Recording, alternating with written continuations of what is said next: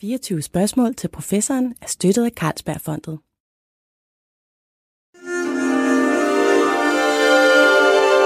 Du lytter til Weekendavisen. Her kommer 24 spørgsmål til professoren med Lone Frank. Et bredt flertal i Folketinget de har lige besluttet at videreføre den forsøgsordning for medicinsk cannabis, som har eksisteret siden 2018. Det vil sige, at læger de i de næste fire år øh, kan udskrive sådan nogle cannabisprodukter til patienter, som de mener bør prøve dem. Og virksomheder de får nu permanent ret øh, til at dyrke cannabis til medicinsk brug. Der har ellers været en hars kritik af den her forsøgsordning, for at der ikke systematisk indsamles viden om, hvad effekterne af det her medicinsk cannabis, og der laves heller ikke ordentlig forskning på området. Så hvad er det egentlig, vi i dag ved om cannabis til medicinsk brug?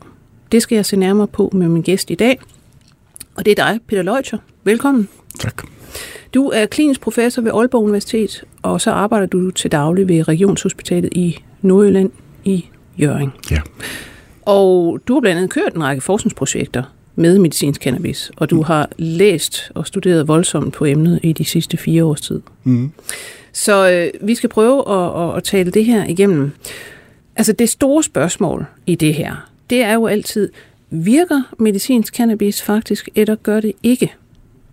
Altså, øh, man må sige, at øh, medicinsk cannabis virker, og så vil jeg tilføje, for nogle patienter, mm. og for nogle patienter virker det ikke.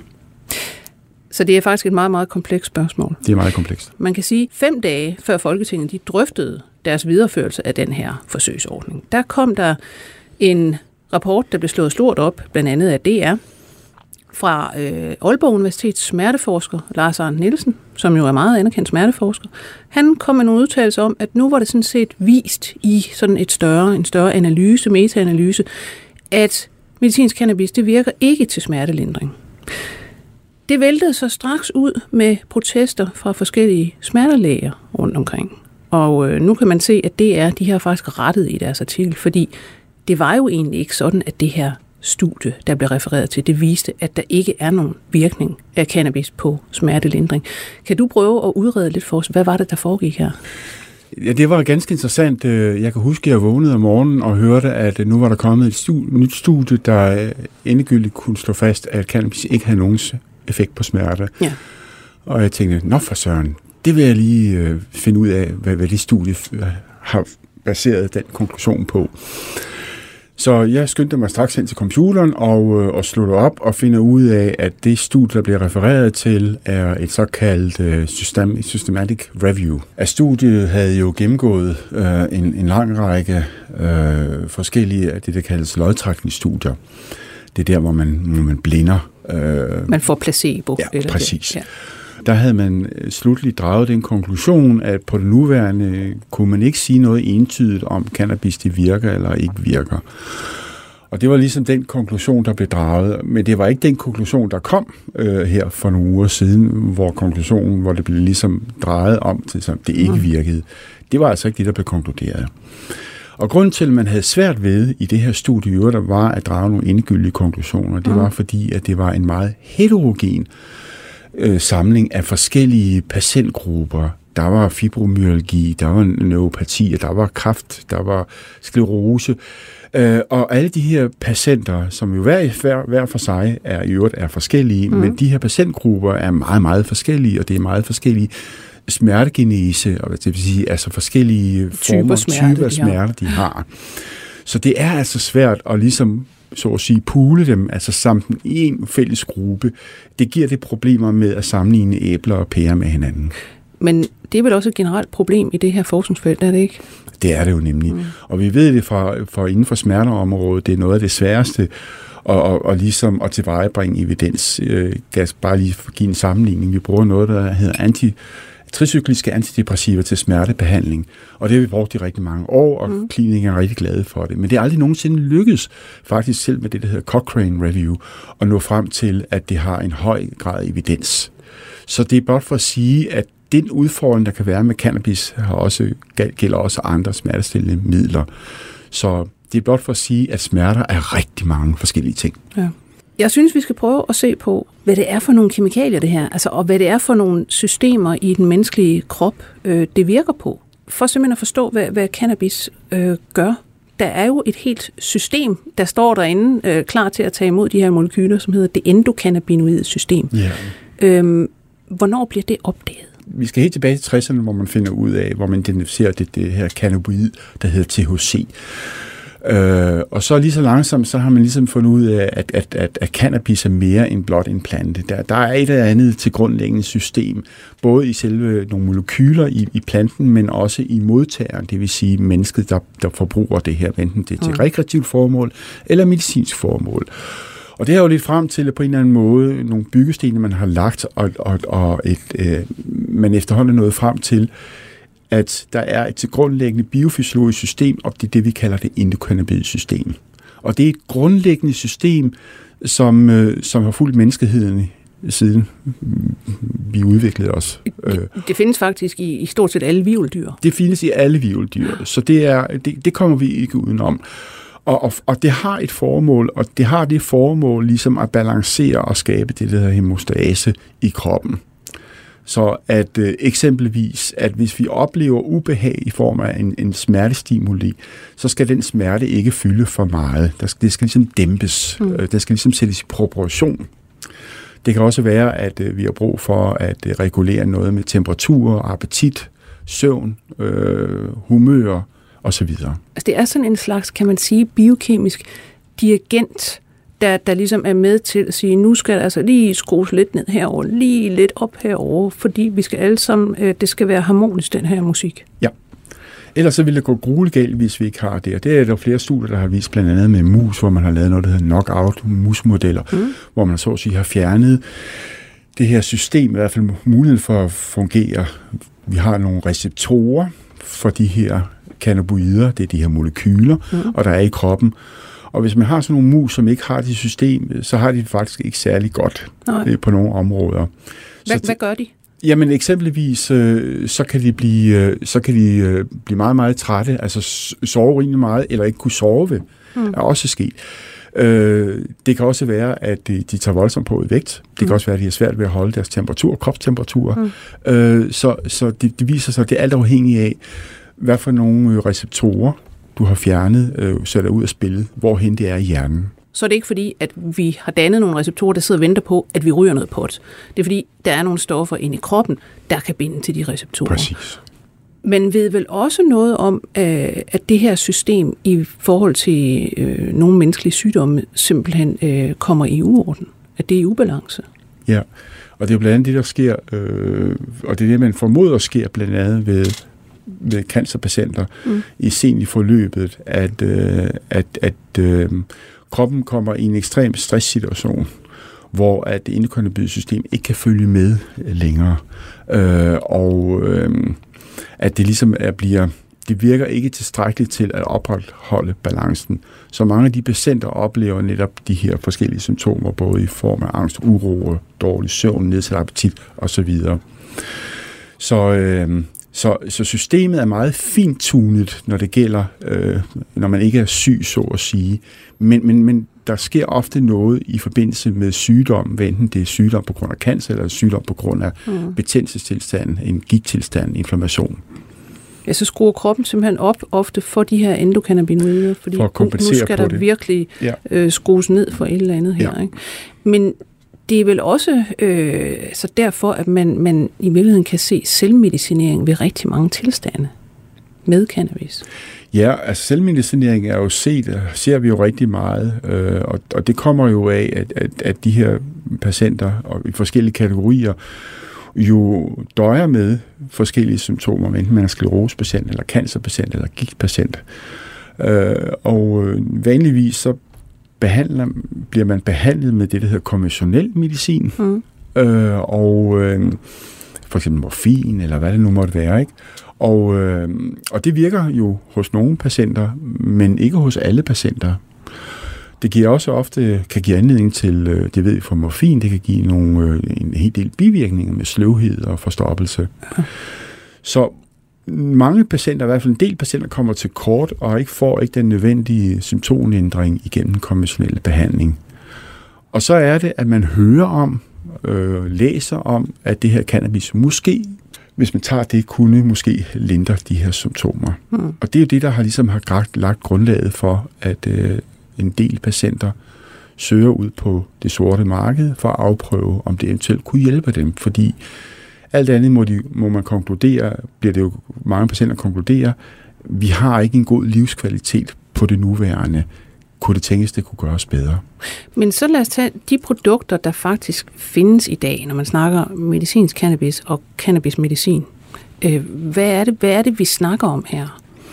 Jamen, det, det er vigtigt, at vi også får det på plads, fordi det kan man godt blive lidt forvirret af. Øh, der er sådan, nogle, der er sådan to hovedkategorier. Der er cannabis, øh, der er medicinsk cannabis, øh, og så er der cannabis-baseret medicin. Mm. Og det ene, den første der, det er en, øh, det er sådan set et, øh, det er produkter, som indeholder stort set de mange forskellige cannabinoider, der kan være i blomsten. Og i dag har man identificeret mere end 140 forskellige cannabinoider. Og så indeholder det også nogle, nogle andre vigtige øh, molekyler i blomsten. De hedder flavonoider og terpener. Og det er sådan nogle smags- og lugtestoffer, som også mm. har forskellige farmakologiske effekter.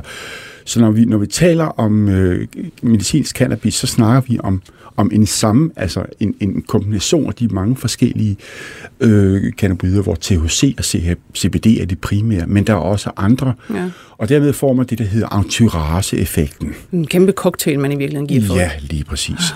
Og så har vi de, den cannabisbaserede medicin, som mere, er altså mere specifikt er enten THC og eller øh, THC CBD. og eller CBD. Ja. Så, så det er sådan to. Det ene er sådan en mere, øh, hvad skal man sige, bredspektret, og øh, hvis vi skulle gøre, bruge den betegnelse, og cannabisbaseret medicin er mere sådan smalspektret. Mm. De produkter, der så, der så er, det er hvad? Altså man snakker om cannabisolie, ja. for eksempel. Kan, kan det både have hele cocktailen i sig, eller øh, øh, kun THC eller CBD? Eller? Det kan det. Ja. Det kan det nemlig godt. Hvorimod, når vi snakker om produkter, der inhaleres, mm. øh, og det er sådan et, øh, det, det er selve blomsten, den tørrede blomst, der er det cannabismedicinen ja. med alt, hvad der er i blomsten. Ja. Så, så, der, så der er kun et, en valgmulighed der, men når, når det drejer sig om olieprodukter, øh, så, så, så kan det være begge, i begge mm. kategorier. Mm. Men sig mig så, altså, hvis der er sådan en, en forsøgsordning her, og, og mange steder er det jo efterhånden altså, lovliggjort øh, på forskellige vis, hvad gør man så, når man vil øh, som læge ordinere noget af det her? Til for eksempel en patient, der kommer og siger, jamen, jeg har jeg har sklerose, jeg har hørt, det her kan gøre noget, eller jeg har øh, hvad det hedder, kraftige kroniske smerter, som, som medicin ikke rigtig virker særlig godt på. Hvad, hvad i alverden gør man? Hvor går man hen og finder ud af, hvad man skal give? Det er nemlig det. Der, og der, der rammer du noget meget øh, essentielt her omkring forsøgsordningen, fordi vi ved jo i dag, at det har ikke fungeret, øh, som, som det var tiltænkt. Og, og det var netop fordi, mange læger spurgte sig selv, hvordan skal jeg håndtere det her? Øh, det er jo ikke noget, vi har haft i, som del af vores pensum, mm. på, da vi gik på det medicinske fakultet. Der har heller ikke været nogen efteruddannelseskurser inden for det her. Øh, der findes ikke nogen lærebøger, danske lærebøger for den sags skyld, så det vil kræve et selvstudie. Ja. Så øh, der er jo ingen tvivl om, at det, der er brug for her, det er jo at lave noget vidensdeling øh, og sikre sig, at øh, den, den viden, der er om det her, kan blive formidlet til læger. Og, og i den forbindelse er der jo i den grad brug for at øh, gøre en behandlingsvejledning tilgængelig for mm. lægerne, så de ikke ligesom skal selv skal finde ud af den dybe tallerken og selv gøre nogle erfaringer. Der skal være noget, man kan støtte sig op af. Og der findes i dag en lang række internationale konsensusrapporter om, hvordan man behandler øh, med de her forskellige produkter. Og de, øh, de konsensusrapporter skal jo i bund og grund oversættes til dansk, i hvert fald til nogle manualer og vejledninger, som danske, danske læger kan gøre brug af. Ja. Når vi nu snakker om, at der er en, øh, har været en, en lovliggørelse mange steder, og det her er kommet op som et stort tema, og mange har fornemmelse af, at det kan virke på mange forskellige ting. Lad os gå igennem, hvad, hvad der egentlig er netop af, af evidens for forskellige indikationer, fordi når, når man siger patienter, ja, det, det kan være så mange. Ikke? Altså, ja. hvad, hvad er det, der, øh, der især øh, bliver behandlet med øh, nogle af de her stoffer? den primære indikation for at bruge cannabis øh, rundt om i verden, det er jo øh, det er til smertelindring. Mm. Øhm, og så er der en, en række andre indikationsområder, men, men smerteområdet er, er, er det primære. Og det kan man sige, at det er der også god grund til, fordi i dag, øh, uanset om vi havde cannabis eller ej, så kan, øh, så kan det være svært øh, nogle gange at behandle patienter med kroniske smerter. Jeg skal lige sige, cannabis er slet ikke til akutte smerter. Nej. For at komme tilbage til det der studie, der blev, udgivet, der blev udgivet her sidste år, hvor de også tager akutte smerter ind. Det har man ligesom sagt, det er no-go. Ja. Vi snakker udelukkende om, om kroniske smerter. Og, og kroniske smerter, som jeg før sagde før, kan relateres til mange forskellige tilstande. Ja. Så, så det er sådan den, den primære øh, indikation. Så kan man så sige, der er jo visse patienter, som også har andre, andre behov for symptomlindring. Mm. Jeg tror, man kan sige, at cancerpatienter øh, med avanceret cancer, terminal forløb, ja. har jo andre problemer og udfordringer end smerter. Øh, de har jo også angst og uro, nedsat appetit og dårlig søvn. Ja. Og, øh, og, og det er der, hvor man også måske kan se, eller det gør man faktisk, overveje at tage den indikation, de andre indikationer med, og ligesom sige, vi har fokus på smerter, men vi har også fokus på, om vi samtidig vil kunne, kunne lindre på på, på dårlig nedsat øh, søvnkvalitet og angst, uro. Ja. Så er der sådan noget som sklerose, man taler om ofte. Hvad, hvad er det, man, er det, er det smerter, man lindrer der? Eller ja, er det... det er det, og det er smerter både af neuropatisk karakter, men også af, af, af spastisk karakter, altså fordi de patienter døjer jo med de her meget svære krampeanfald, øh, muskelkramper. Øh, og, og det ved vi jo, vi har selv prøvet alle sammen at have kramper i forbindelse mm. med en eller anden sportsudfoldelse. Ja. Og, øh, og det har de her patienter så bare dagligt, øh, og, og, øh, og, og de er svære at kontrollere, og det kommer i løbet af dagen, kommer i løbet af natten. Så for den gruppe patienter, øh, må man sige i dag, der har vi virkelig tungvejende evidens for, at øh, cannabis kan hjælpe de her patienter. Altså man lægger også mærke til, øh, når man, når man læser om det her med kritik af forsøgsordninger og hvad det hedder, øh, patientgrupper, der virkelig forlanger, at det her skal gøres bedre, og de vil have adgang. Der er sklerosepatienter og deres patientforeninger altid altså oppe i toppen. Ikke? Ja, det er det. Øh, simpelthen. Så er der sådan noget som epilepsi. Det forbinder man ikke umiddelbart med, med cannabismedicin, men der er også nogle virkninger, siger du? Ja, men det er der, og... Øh, og igen, vi er jo i en situation, hvor vi, øh, vi kan jo rigtig meget med det, vi kalder konventionel medicin. Mm. Vi har konventionel smertebehandling, vi har konventionel antibiotisk medicin.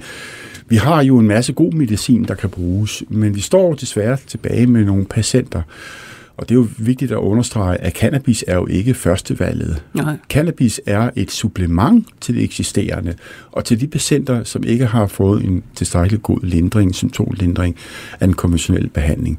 Og der har det jo vist sig, at eksempelvis patienter med det, der hedder behandlingsrefraktær epilepsi, der er sådan nogle forskellige syndromer, men måske i virkeligheden altså, hvor også behandlingen bredt, ikke virker. Hvor det simpelthen ikke ja. virker. Man har prøvet alt, øh, og det har ikke virket og øh, hvor, man, hvor man har erfaret, at øh, ved at bruge CBD og alene CBD...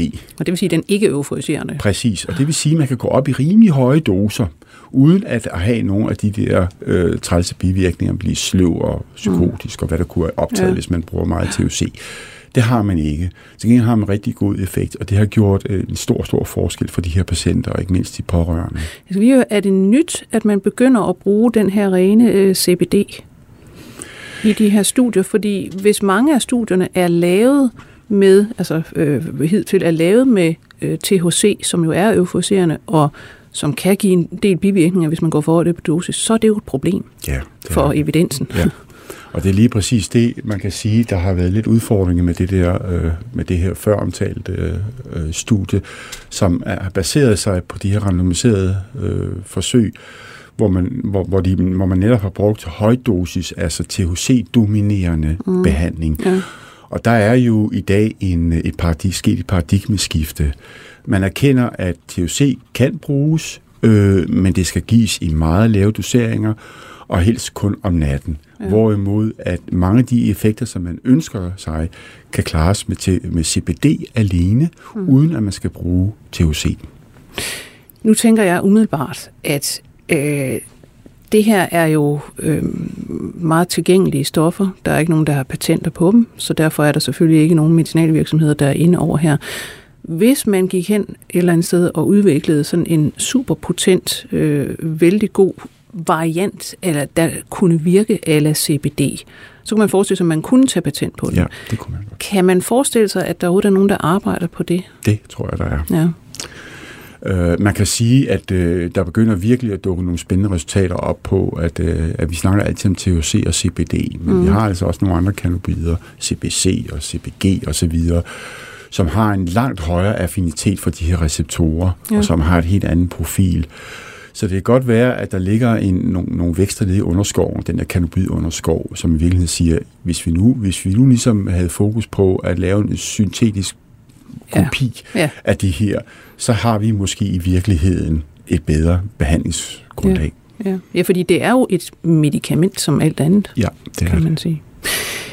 Så synes jeg, vi skal prøve at kigge lidt på øh, den forskning, der så faktisk foregår herhjemme. Altså, øh, fordi du har selv lavet en del forskning og er, er på vej med, med flere projekter inden for det her. Fordi at området, som vi sagde i starten, har lidt ret meget af, at der ikke rigtig foregår særlig meget. Der er ikke nogen særlig god øh, vidensopsamling. Prøv at gennemgå, hvad, hvad du selv har kastet over. Ja, ganske kort. Altså, jeg vil sige, jeg har kastet, eller vi har kastet os over den gruppe, mm. som jeg er del af. Men jeg vil lige sige, at øh, det, det er ganske imponerende, hvad der egentlig er blevet sat i gang af forskning herhjemme. Jo, okay.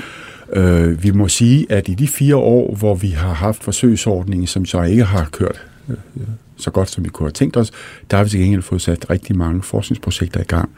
Og vi er faktisk i dag, når vi gør status på det, så har vi i dag alle fem universitetshospitaler involveret i forskning. Rigshospitalet, Odense Universitetshospital, Aarhus, Aalborg osv. Okay, så det vil sige, at der er faktisk en, en virkelig stor faglig interesse for det at komme er i gang. Og det er på tværs af specialer. Det er rheumatologer, mm. det er onkologer, det er, øh, øh, det er smertelæger. Øh, så, så, så der er øh, en, en, en, en, en, en, en virkelig stor interesse for det her. Men så synes jeg da før, at, at øh, vi lige øh, hvad skal man sige, udfolder dine egne studier. Hvis du kan give en, en, altså en oversigt over, hvad, hvad er det, man typisk går ind og prøver at, at lave nu? Vi har nogle spørgeskemaundersøgelser, der er blevet lavet. Vi har nogle observationelle studier. Og så har vi øh, flere af de her lodtrækningsforsøg, der er blevet i gang. Hvor man ikke ved, om man får placebo eller det rigtige. Præcis, ikke? Og der er der jo alt i alt, som vi, som vi taler her, har vi alt i alt fået sat mere, eller blevet sat mere end seks af de randomiserede studier i gang på de forskellige universiteter. Det er inden for sklerose, det er inden for gigt, det er inden for fibromyalgi, mm. det er inden for psykiatri. Så jeg vil sige, der sker rigtig meget, og det er en fornøjelse at mødes i den lille organisation, vi har dannet, der hedder ja. Klinisk Cannabis Forum, og høre om kollegaer, der fortæller om deres projekter. Så har vi også en del øh, grundvidenskabelig forskning, blandt andet i Aarhus, øh, hvor man er inde og, og lave MR-spektroskopi-undersøgelser af hjernen og se på, hvordan er det, de her forskellige receptorer bliver aktiveret. Så jeg vil sige, paletten er på mange måder ganske flot fyldt op øh, alene her i Danmark. Så man kan sige, at der er faktisk kommet noget i gang. Det er der. Det er bare det her med, med ordinationen og patienterne og behandlingen, der, der står og halter, ja. hvor forsøgsordningen faktisk er ring. Det er mere den del, som jeg vil beskrive som der, hvor vi skal have nogle real-world data. Mm. Hvor ligesom vil sige, fordi... Man har behandlet nogle faktiske patienter, Præcis, og så samlet ind, hvad der er sket. Ja, hvor mange holder op af forskellige grunde. Det kan være ja. økonomi, det kan være, at der er for langt til lægen, alle mulige grunde. Ja. Man kan sige, det er jo rigtig fint, at vi har de her lodtrækningsforsøg, men, men de er jo også på en eller anden måde kunstigt sat op. De er ja. meget velkontrollerede, ja. og man nøser jo sine patienter for at fastholde dem i studiet. Men det er jo ikke altid det, som, som virkeligheden udspiller sig. Men hvad er det så, du selv laver? Det er vel real world data? Det er dels real world data, og, og så vil vi også, er vi nu, vi har ligesom lavet en, en firetrinsraket, og det vi har specielt interesseret os for, for det synes vi i hvert fald er et område, som, øhm, som hvor der står det i spørgsmål blandt vores klinikere og mine kollegaer, som arbejder med palliativ patientforløb øh, med kraftpatienter. Mm. Og der har vi været ude og starte med sådan helt det grundlæggende, ligesom at spørge til patienterne, hvad har de her forventninger om det? Og det er jo enormt vigtigt, at vi tager det aspekt med. Hvad, hvad, hvad oplever patienterne selv? Hvad, hvorfor ja. er det, de har interesse i det her område mm. her? Og der fortæller jo mange af dem, at det er jo fordi, de oplever, at de ikke har en tilstrækkelig lindrende effekt af den konventionelle behandling. de tænker, der må være noget, der kan bedre. Det kan godt være, at de kan få lindret deres smerte af, af morfin og opoider, mm. og man kan få mere og mere, men, men man bliver også mere og mere sløv og mere og mere ja. forstoppet. Ja. Øh, så det er jo ikke, så, så det, det er jo på, på en eller anden måde, de får en dårligere livskvalitet. Så det har været meget fokus på ligesom at spørge lidt patienterne, hvorfor, hvorfor medicinsk cannabis? Ja. Og så har vi tilsvarende, efterfølgende lavet tilsvarende studie, der minder om det en interviewstudie, hvor vi har spurgt de uh, sundhedsprofessionelle, hvad tænker I om de her patienter, der Er det kommer? både almindelige praktiserende læger og, og læger i sygehusvæsenet? Ja, eller? det har primært været de øh, læge faggrupper, som har med de palliative patienter at gøre. Så det har været praktiserende læger, det har været palliative læger og sygeplejersker og onkologer, altså kræftlæger og kræft, kræftsygeplejersker. ja. Og dem har vi så også inkluderet i en, en, en særskilt undersøgelse. Og hvad i alverden siger de? Jamen, de siger jo øh, nogle af de ting, som vi har snakket om her, øh, at, øh, at man kan sige, øh, de, de øh, gennemgående er, er der en, en enighed om, at vi mangler evidens Mm. på området. Øh, og så giver de også udtryk for, at øh, de i den grad savner, hvis de skulle gå ind i det her, så mangler de at blive uddannet inden for området, videreuddannet inden for området, og have adgang til en behandlingsvejledning. Det gælder specielt for vores, øh, for vores palliative øh, læger og de praktiserende læger. Mm. Onkologerne har jo sådan ligesom et, et andet, noget de har mere fokus på, fordi de er jo ofte in, involveret i selve den Ja, de skal behandle selve kræften og ikke smerten. Ja, Ja. så det er mere, når vi er over i det palliative forløb, at, at øh, de, de andre Men er, er det sådan en, en usikkerhed, de, de har, som, altså, hvor de virkelig bare har lyst til at sige, nej, det, det, kan ikke, det er Ja. ikke lige os, der skal beskæftige os med det her? Det er det, fordi altså man må jo sige, som jeg sagde før, vi har ikke nogen, jeg aldrig har hørt om det her endokannabinoid-system i de Nej. år. Men, Nej. så der er ingen af, dem, der, ingen af os, der har hørt om det. Vi, kender ikke, vi forstår ikke rigtig rationalet for det, fordi vi er ikke blevet undervist i det, og der har heller ikke været efterfølgende mulighed for at uddanne sig inden for det her område her. Så man har det nok med, med, en, med ens arms afstand, og man ligesom siger, det ved jeg faktisk ikke noget om. Nej. For, for, så hvordan verden skal jeg forholde mig til det, når jeg ikke, nu ikke ved noget om det? Det er jo også virkelig interessant, at det netop er, altså vi ved, og, og læger ved en helvedes masse om alle mulige øh, hvad det hedder, biokemiske systemer. Ikke? Men, men det her er faktisk et meget udbredt, ret vigtigt, øh, hvad skal man sige, tunende system, Ja. som, som egentlig skal, skal Ja. virke overalt. Ikke? Og, og det er ikke noget, man sådan rigtig ved noget om. Og der må jeg lige, hvis jeg lige må, må knytte en kommentar til det, fordi altså, der var jo ingen tvivl om, at man, da William Shaughnessy, det var en irsk kirurg, mm. kom tilbage fra Indien og havde været udstationeret der, og i midten af 1800-tallet kom tilbage øh, med, med den, den her plante, og, og, og det begyndte at brede sig ud til apoteker rundt om i Europa. Mm. Og det var ligesom det, der kunne afhjælpe mange af de der lidelser, man gik med, med krampe og smerter og så videre der. Øh, desværre så var, fandt det også vej til at blive misbrugt øh, som et rusmiddel. Og, og, og der gik det jo altså værre, hverken værre eller værre, end at, at, at det blev altså det blev tabulagt stigmatiseret. Ja. Øh, og det vil sige, øh, det, var- det var både den del, der drejede sig som rusmiddel, men desværre også mm. den del, der drejede sig om den medicinske del. Ja. Så alt om cannabis blev sådan set øh, fjernet, skrevet ud af lærebøgerne, helt Ja. og holdent. Ja. Øh, og jeg kan godt forstå rationalet i forhold til, at det, var, det, det, det gav anledning til, og hvad vi også ved i dag, og det er jo også det, der er medvirkende til, at vi, vi, vi har et, et dårligt ry at, Ja. at kæmpe med i forhold til ja. ja. rusmidler og kriminalitet. Men det selve det medicinske aspekt af, af, af det her område her, det bliver også skrevet ud. ja. Øh, Men det er jo lidt sjovt, det vil sige, det har sådan set stået henne hos apotekeren, ligesom kokain også ja, Ja, på et tidspunkt stod. præcis. Og så fik man så så meget pulver med hjem, og kunne, så spiste man det vel, Ja. går jeg ud fra. Der stod en Øh, apoteker i hvid kittel ja. og, og ordinerede det. Ja, ja. Altså det er jo også, øh, cannabis er jo også med, det er jo en af de sådan grundingredienserne i det traditionelle øh, kinesisk medicin, Ja. for eksempel. Ikke? Mhm. Så, så, men det er klart, det her med det euforiserende, det, ja, Det er det. men det kan man jo så nu øh, skille fra. Men videre med dine egne øh, øh, hvad det hedder, studier. Jamen, så har vi jo så som, den, øh, som øh, det, det sidste trin på raketten, og der, der kommer bliver sikkert bygget flere på, men vi vil meget gerne arbejde med at øh, lave et øh, randomiseret studie, hvor vi så har udvalgt en specifik gruppe, cancergruppe patienter. Det er meget vigtigt, at vi får, også får skilt Ja. de her forskellige cancergrupper patienter fra hinanden, fordi de manifesterer sig på forskellige måder. Nogle har knoglemetastaser, andre har metastaser til andre steder, de, de Mm. viscerale blødorganer osv. Så, Så vi vil meget gerne arbejde med en gruppe som patienter med prostatacancer. Ja. Og der har vi nu en protokol, og vi søger nu om midler til det. Og det vi gerne vil undersøge, det er, øh, kan vi hjælpe de her patienter i forhold til smertelindring? Øh, så, så det undersøger vi primært, men vi undersøger også de andre faktorer der. Øh, eksempelvis sover de bedre, har de bedre appetit, mm. øh, og så er vi meget interesserede i at bruge en, øh, en tracker på, hvor meget man bevæger sig, fordi mm-hmm. smerte giver ofte anledning til, at man, man sidder stille for det meste. Men, men kan man få, kan man bringe noget livskvalitet i, i slutfasen af livet, ja. øh, et, en højere livskvalitet øh, og, og udfoldelse øh, med cannabis i, i, i de her forholdsvis lave doser, uden at det giver bivirkninger. Ja.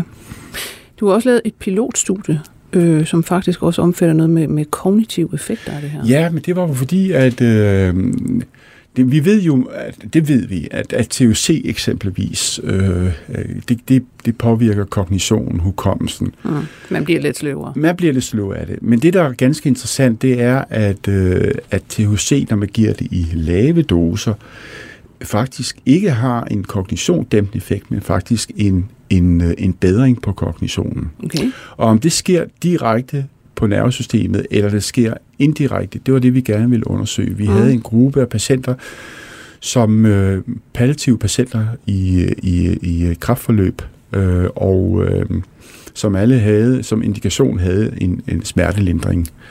Øh, og det vi så gjorde, det var, at vi titrerede dem op og det gør man, det er jo den måde, man, man behandler med cannabis. Man starter med i princippet øh, start low, go slow. Mm. Så man, man, man lige så langsomt går op og sikrer sig, at der ikke er nogen bivirkninger. Ja. Og det gjorde vi så også hos de her patienter, vi behandlede dem alene med THC. Og, øh, og så undersøgte vi for deres kognition. Og det gjorde vi med brug af et anerkendt øh, instrument, der hedder Weiss batteri. Er det sådan noget med hukommelse? Og... Det er præcis. Hukommelse, øh, øh korttidshukommelse og øh, mental øh, spændvide og, og, og tempo osv. Mm. Så nogle tre sådan øh, domæner. Øh, og det, der var interessant at se, det var, at øh, gennemgående for alle patienterne, det var, at der faktisk i løbet af 14 dage skete en markant og en, en signifikant bedring af deres kognition. Mm-hmm. De performede langt bedre på baggrund efter de 14 dages behandling. Og øh, vi konkluderer, at det kan godt være, at det er THC, der gør det i de lave doser, men det kan også godt være, fordi det var samtidig det, patienten fortalte om, de følte sig mindre trætte, Aha. de ville have bedre appetit, de sov bedre om natten. Så det i sig selv i kan det i sig selv noget. kan måske også medvirke til, at de her patienter, som har det rigtig svært mod livets slutning, mm. øh, måske kan få en bedre livskvalitet med, med cannabis som et, et supplement. Ja. Er der, øh, hvad det hedder, øh, andre sygdomsgrupper eller øh, symptomtyper, øh, som vi ikke har været inde på her, som man rundt omkring begynder at få øje på, at det kunne måske også være, at man kunne bruge det der? Ja, øh, vi har snakket om sklerose, vi har snakket mm. om epilepsi, mm. øh, vi har snakket om palliation, smerte, neuropatiske smerter. Øh, der findes også nogle andre øh, tilstande, øh, som man begynder at interessere sig for, mm. øh, blandt andet omkring øh, inflammatoriske tarmsygdomme. Okay, altså sådan noget, øh, hvad der hedder kronisk, øh, hvad hedder den slags, tarmkatar? Og ja, sådan præcis, noget. morbus Crohn og, mm. og colitis ulcerosa øh, et område, fordi det, der er interessant med, med de her cannabinoider, det er, altså udover at de har en, en smertelindrende effekt, så har de faktisk også en antiinflammatorisk effekt. Mm. Øh, og så det vil sige, det er sådan forskellige angrebsvinkler, man er interesseret i at se, om, om det kunne virke. Ligeledes så virker det også dæmpende på, øh, på en, en, en tarm, der er exciterbar, så at mm. sige. Så vi har også nogle... Sådan en nervøs tarm, som man kalder det. Præcis, ja. og vi har også en gruppe af patienter, der, der har en sygdom, der hedder akalasi, som, øh, som gør, at man får en spastisk tilstand i, øh, i, i spiserøret, ja. som, øh, som formentlig, hvor de spaster, øh, spastiske tilstand kan brydes af, øh, af de her cannabinoider. Mm. Så, så mange af de ting, biofysiologiske, hvad skal man sige, effekter, der er af cannabis, og som, som ligesom manifesterer sig øh, i forhold til symptomer, forskellige patientgrupper, gør jo, at man ligesom kigger mm. med interesse på, var der noget her, vi kunne undersøge. Ja. Vi må også sige, at, at i den der evidens, vi har i dag, så har vi en område af medicinsk cannabis, hvor der er god, solid evidens, og så er der moderat evidens og let evidens. Men der er også områder, hvor man siger, her er der ikke noget evidens. Overhovedet, nej. Nej. Jeg kommer til at tænke på altså, andre psykiske sygdomme, det du siger, men man er ved at kigge på CBD i forhold til øh, at dæmpe altså, psykoser. Ja. Øh, men hvad med depression, hvor man mm. jo også ved, at endokannabinoidsystemet er forstyrret dets normale funktion? Ja, det har man også interesse for, og mm. der, der pågår allerede Lige nu pågår der jo igen, vi starter jo med de her dyremodeller, men, men det, er jo, det har man jo brugt meget inden for depressionsforskning, Ja. øh, og der pågår allerede i, i Paris-skov øh, i samarbejde med forskere fra, fra Sydamerika mm. en forskning inden for, for depression, Ja. men også inden for angst. Ja. Øh, fordi det ser ud som om, at CBD øh, faktisk øh, kunne være et, en, en, en behandlingsmulighed til behandling af, øh, af angst. Og igen, øh, ikke fordi vi skal lave om på vores øh, behandlingssystem, men vi ved jo godt, at der er jo patienter med depression, som er, ikke responderer nødvendigvis så godt på Mhm. antidepressiva, Ja. øh, og tilsvarende patienter med angstproblemer, som heller responderer godt på anxiolytika.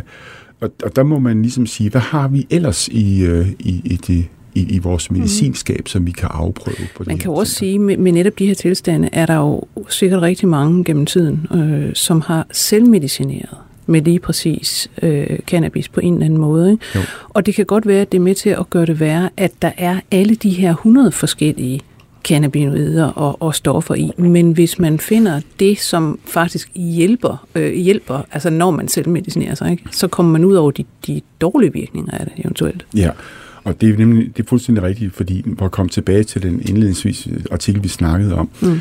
hvor man laver det her metaanalyse, hvor man har de her 30-35 forskellige øh, randomiserede studier, der er brugt 15 forskellige medicinsk cannabisprodukter. Ja. Og der kunne jeg godt som forsker, det tror jeg mange af klinikere vil støtte om at sige, kunne vi på en eller anden måde have en, en mere sådan sammenhængende, protokolleret tilgang til det? Og, og der, det, det er en af mine forhåbninger med forsøgsordningen, at vi ligesom har nogle enkle regimer, og det er dem, vi tester. Ja. Så bas, altså, fundamentalt så har vi nogle regimer, der er baserer sig på CBD-dominans, Mm. øh, og det er dem, vi tester. Øh, og så har vi et andet regime, eksempelvis, hvor vi ekvivalerer både CBT og THC, fordi det er specielt øh, sklerosepatienter, der har god, god gavn af, Af begge THC, stoffer. af begge Ja. stoffer. Men prøver på en eller anden måde at sige, vi skal ikke sprede os ud over alt for mange øh, forskellige regimer, der gives på mange forskellige måder og forskellige produkter. Vi må prøve at ligesom fastholde nogle, nogle gode principper i, hvordan vil vi afprøve det her. Ja.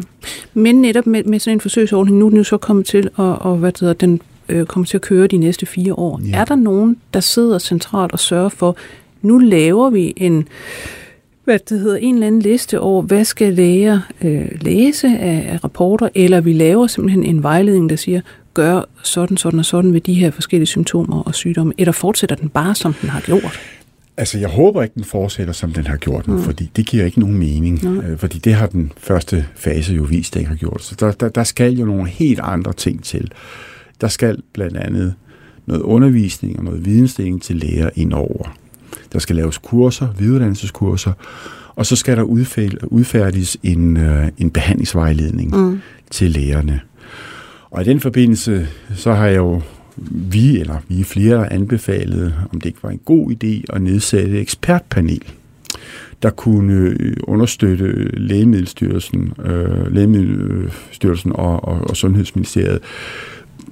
Der er jo en del, som jeg sagde, forskere og klinikere rundt om mm. på, på de forskellige akademiske institutioner, som har efterhånden god erfaring og, og viden omkring det her område. Og, øh, og, og jeg ved på forhånd, jeg kan sige, at, at vi vil meget gerne stille os til rådighed. Så, så jeg tror, det kunne måske være måden at gøre det på, at, at man nedsætter et ekspertpanel, og det er jo præcis det, man har gjort i, i andre lande, som i, i, i, i Israel, Ja. ja. Holland, og Kanada og USA. Mm. Og det skulle vi også have gjort Skal, skal vi gøre, og det skulle vi have gjort allerede for fire år siden. Så både noget behandlingsvejledning for den udfærdet, den er faktisk allerede klar. Mm. Vi har siddet en gruppe, der har udfærdet, når den er klar.